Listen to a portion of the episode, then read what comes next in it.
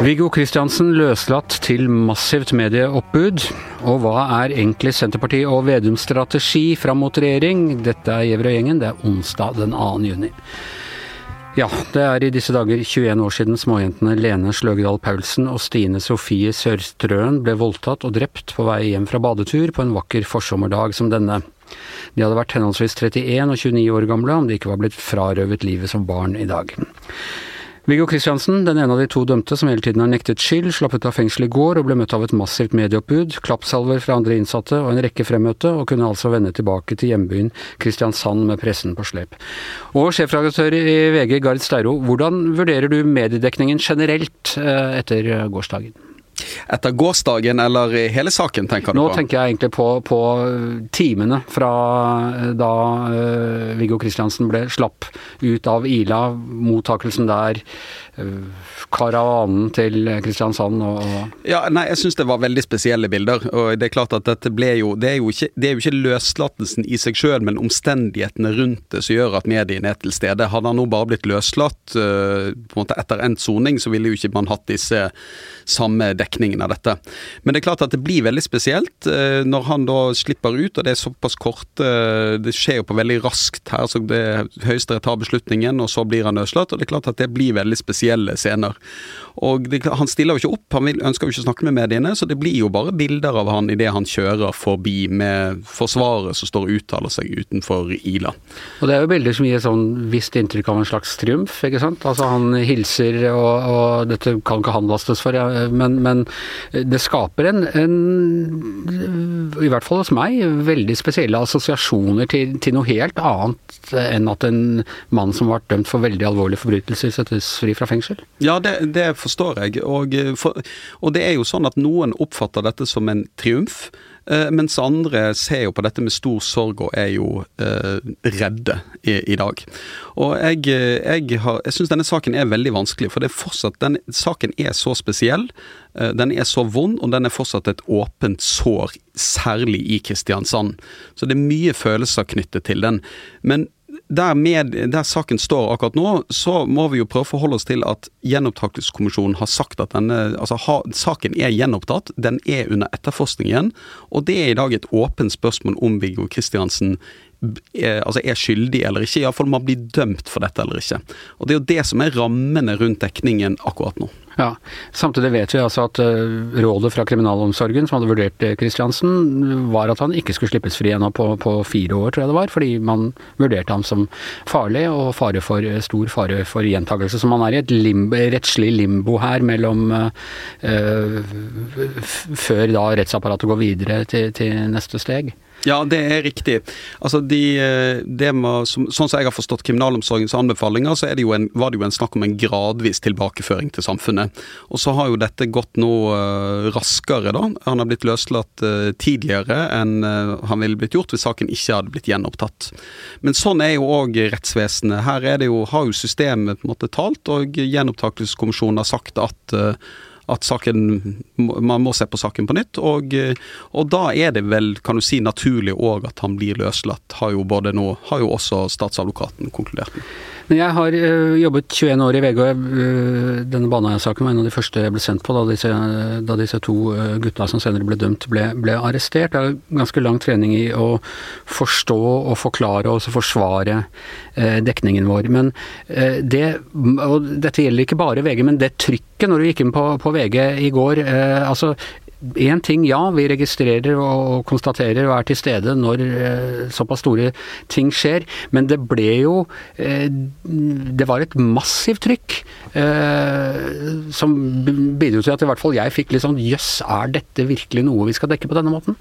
Ja, jeg mener vi skal dekke det grundig når han løslates, for jeg mener denne saken er det som jeg sier, den er, den er, vanskelig og den er vond, og jeg skjønner at dette bildene av Viggo Kristiansen som løslates, tror jeg skaper veldig sterke reaksjoner. Men jeg tror vi må òg ta inn over oss at når denne saken nå blir gjenopptatt, og han løslates, og Høyesterett velger å løslate han, så er det en det er en stor nyhet som må dekkes. Og så kunne man se for seg at dette ble gjort på en annen måte. Man kunne sett for seg at dette ble at han, eh, at han stilte opp, eller at forsvareren at man fikk mulighet til å uh, fotografere han på annet vis, eller ta bilder av han, snakke med på en annen måte, så kanskje kunne skapt en annen ramme rundt det. Men jeg forstår at alle medier står utenfor Ila fengsel når en når Viggo Kristiansen løslates i, i, en av de verste eh, straffesakene i norsk historie, omtrent. Men er det ikke noe element av at, uh, at man ser at her, trafikken, som vi kaller det, på, på, på nettet går i én retning? Ett et medium slår det opp og får, får, masse trafikk på dette, så, så, følger eh, de andre opp. Er det ingen nei, altså, dynamikk i det? Er nei, alltid helt selvstendig? For det, det, for det regnet jeg jo med spørsmål vil komme, ikke bare her, men mange steder. Altså, er dette Altså, er det veldig stor interesse for denne saken? Og svaret på det er faktisk nei. Altså, da du så i går, dette var ikke det mest leste stoffet hos oss i går. Folk var mer opptatt av uh, smitteutbruddet i Trondheim enn de, uh, enn de var av denne saken her. Og jeg tror, jeg tror veldig mange har det litt det forholdet som, som jeg har til Baneheia, at de syns denne saken er veldig vanskelig. Uh, det er den, det, det, skaper veldig sterke følelser. fordi at uansett, uansett hvem som er skyldig i dette, og hva man får svar på, så er det så er faktum i saken det er to jenter som er misbrukt og drept. Og det er veldig viktig å ha med det i denne saken. Men jeg tror mange som jeg syns det er vanskelig å lese om dette. Det skaper sterke følelser hos oss. Men kunne det da vært et alternativ, bare tenker jeg høyt her, at uh, selv om ikke han vil uttale seg, bare skrive at Viggo Kristiansen løslatt nå? Altså Klikker du inn på det og får dekningen der, og ikke hele greia i, ja, i front? Det, det, kunne det, det, kunne det, selvfølgelig vært. Men samtidig, hvis du vrir på, litt på det og ser det fra noen andre perspektiver, så er jo dette Du sier at dette er en seier for han. Jeg mener jo at vi mediene bør òg virkelig gå inn og dekke og være kritisk til jobben politiet har gjort der, og selve løslatsprosessen. Dette handler jo òg om rettsvesenet vårt, om hvorvidt mannen er uskyldig dømt. Mm. Og det tror jeg er viktig at vi tar inn over oss nå i både debatten og i dekningen dette, at nå skal denne saken etterforskes på nytt. Og vi kan ende opp her om et år med at, en konklusjon om at Viggo Kristiansen da eh, ikke blir funnet skyldig i disse drapene han har sonet 21 år for. Og så dreier det seg også om to familier og foreldrene til eh, Lena og Stine Sofie, som også opplever denne massive mediedekningen. Ja, og de har jo eh, for de, jo, de, de har de gitt uttrykk for. Det er jo ikke bare dekningen som de syns er vanskelig, men de syns jo òg selve sakens faktum, at han løslates, er eh, forferdelig vanskelig. Og så tror jeg òg du skal ta med en eh, person til i dette. Det er jo den andre domfelte, Jan Helge Andersen som utsettes for, uh, for beskyldning, mange mm. beskyldninger her som det, som det, er vanskelig for han å forsvare seg mot. Mm. fordi at Skal du legge Viggo Kristiansens forklaring til grunn, uh, så er jo Jan Helge Andersen den som har stått for dette alene og dobbeltdrapsmann. Så det er en, og uh, lagt skylden på en, en uskyldig mann. Nettopp. Men jeg tror vi må, jeg tror vi der, akkurat der vi står i denne saken nå, så tror jeg mediene skal vi har et ansvar for å dekke denne rettsprosessen. Og det er klart at Er dette dreier det seg om et justismord, så er det en uh, svært, svært alvorlig, naturligvis. Det er en katastrofe for norsk rettsvesen, mener jeg, hvis dette er, viser seg å være et justismord. Men så skal vi alltid i dekningen òg minne oss på hva som er sakens kjerne, at to unge jenter mistet livet. Ja, og vi skal snakke om norsk valgkamp. Um, Tone Sofie, eh, Senterpartiet eh, er et av de partiene i Norge som jeg føler har kanskje best kontroll på hele apparatet sitt, i hvert fall nå i denne valgkampen. De andre roter litt og rører litt, og de går litt ut mot hverandre, og Bent Høie vil ikke vaksineres når regjeringen ber han om det. Det er, mye sånne ting, men Senterpartiet stort sett har kontroll. Nå begynner det plutselig å komme både lekkasjer og utspill. Noen sier at Vedum må erklære seg som statsministerkandidat, andre sier at uh, Senterpartiet ikke vil forhandle med SV om regjeringsmakt. Er dette styrte lekkasjer fram mot valget, eller sprekker jernhånden til Vedum rundt troppene hans? litt sånn ja og nei. Jeg tror vel Eh, det vi har sett de siste dagene, akkurat det å drive og lansere Vedum som statsministerkandidat nå, det tror jeg nok er litt mer overivrige eh, folk der ute som helt sikkert mener det, og fikk veldig blod på tann når Senterpartiet pusta Arbeiderpartiet i nakken. Eh, men jeg tror liksom ikke det er det Vedum har ønska, at man skal men når det nå kommer såpass mye knytta til Senterpartiets forhold til SV, eller snarere ikke-forhold, så tror jeg nok at det er en del av en ganske tydelig strategi fra Senterpartiet. For uh, Vedum framstår jo som Han er ikke opptatt av spill, han er ikke opptatt av strategi, han er bare opptatt av å lytte til folk og utvikle politikk. Men jeg tror nok at han er en av Norges aller beste politiske strateger, og, og, det, og det, er jo et kompliment. Det, de beste strategene sier alltid det, at de er ikke opptatt av strategi. Nettopp. Og jeg tror også skal du liksom lykkes i politikken, så må du være uh, god på det. Og også det sånn som Vedum kommuniserer om Eh, om strategi, veldig konsistent på budskap, sier det samme hver eneste gang. Det er jo også en strategi.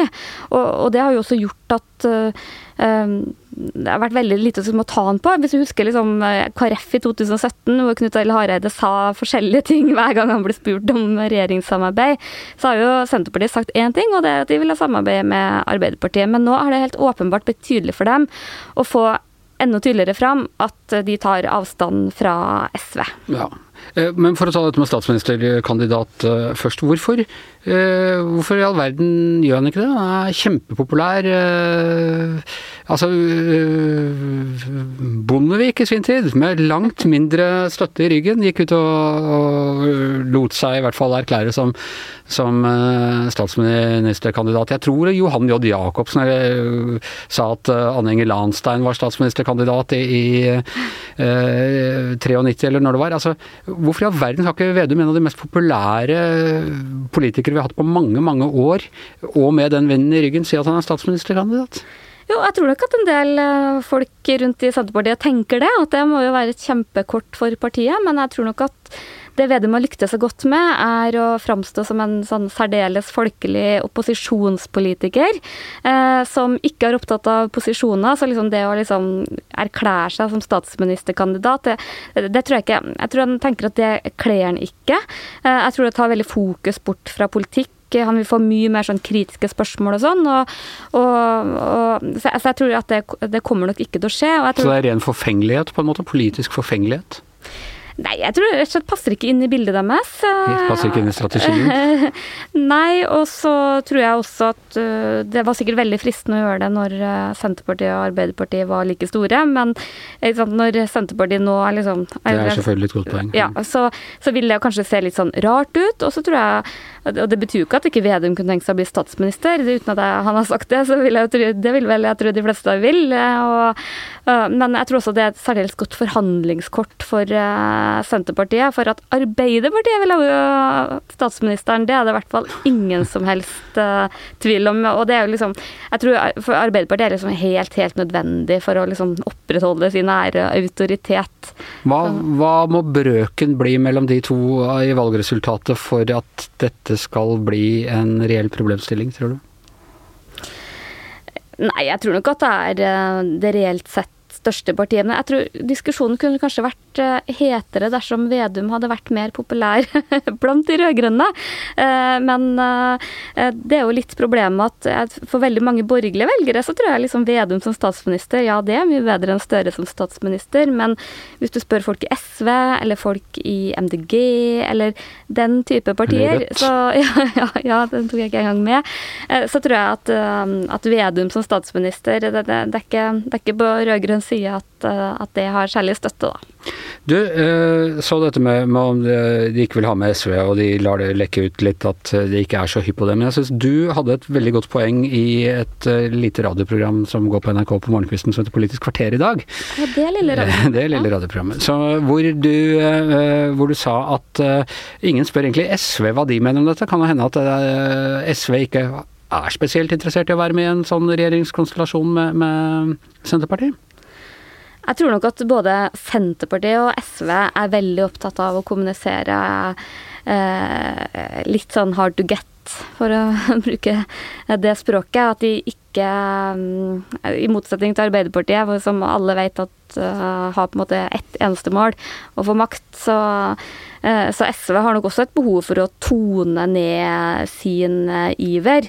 Så det jeg tror er litt sånn avgjørende, er jo rett og slett valgresultatet. For havner vi med et gammelt rød-grønt flertall med Arbeiderpartiet, Senterpartiet og SV, så tror jeg at det er veldig vanskelig å komme unna SV. Jeg tror mange i Arbeiderpartiet gjerne vil ha med SV, både for å være et bolverk mot uh, resten av venstresida, men, uh, men, også fordi de frykter litt det her nye Senterpartiet som har blitt så mye sterkere. De er jo Bare når de var et 5 %-parti, så var det jo knallgode forhandlere, ikke sant. Kan du bare se for deg et uh, forsterka Senterparti på 15-20% hvor mye makt og posisjoner og sånn de kan få ut av det. Så, men, eh, men, det der er reelt sett et ganske stort spenningsmoment, for det, det, er mange grunner til at eh, de to partiene ikke har så veldig lyst til å samarbeide. Ja, fordi men, altså, Senterpartiet har jo, har jo, alltid vært flinke i regjering til å få mm. altså De går inn og handler hest, og de kommer ut av det med flere hester enn de gikk ja, inn med. Og veldig med, konkrete gjennomslag. Ja, konkrete på det. Mm. SV har en dårlig erfaring med det å sitte i, i regjering.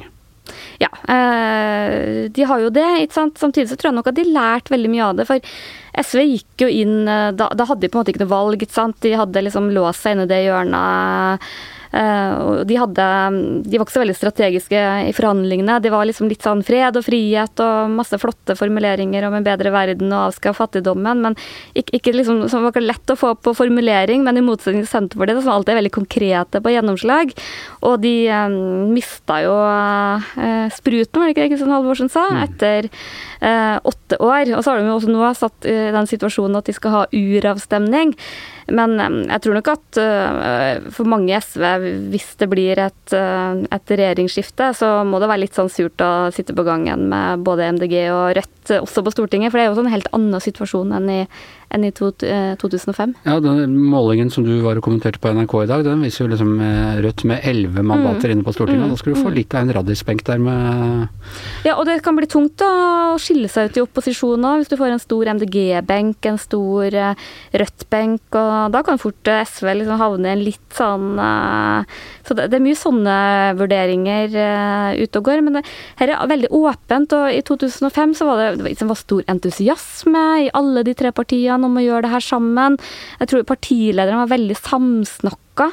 Senterpartiet og SV var mye mer lik. Du kan se for deg Åslaug Haga, Kristin Halvorsen, det Senterpartiet som var da. De var liksom mye mer sånn på samme linje. Og, og det var et mye mer sånn rød-grønt Senterparti da. Nå har jo Vedum har jo tatt Senterpartiet i én retning, og Lysbakken har tatt SV i en annen retning. Så det er to partier som rett og slett har vokst også veldig fra hverandre. Er dette det mest spennende stortingsvalget i Norge på mange, mange år? ja, det er utrolig spennende.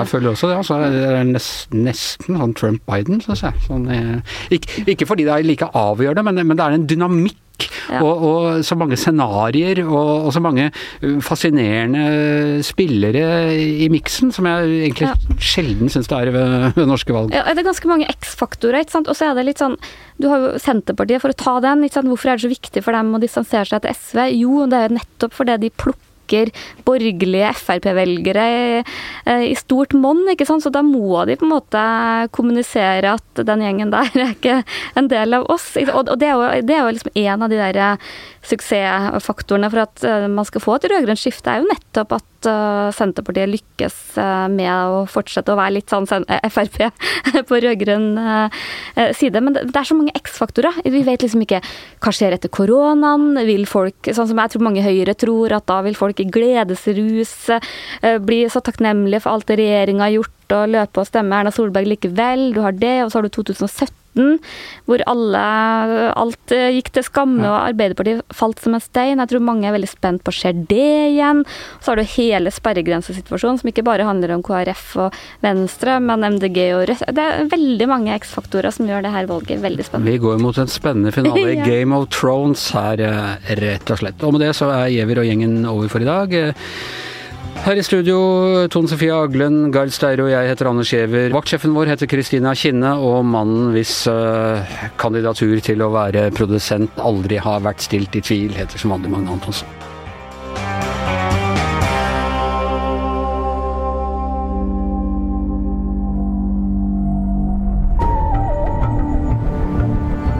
Jeg har bare sagt det til deg helt klart og tydelig. Det der har vi absolutt ingenting med å gjøre.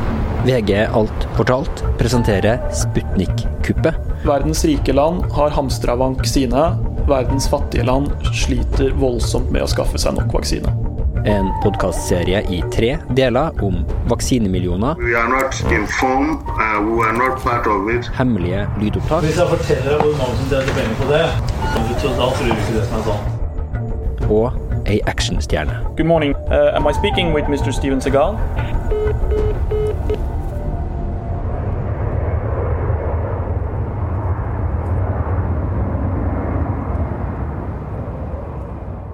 Du har hørt en podkast fra VG.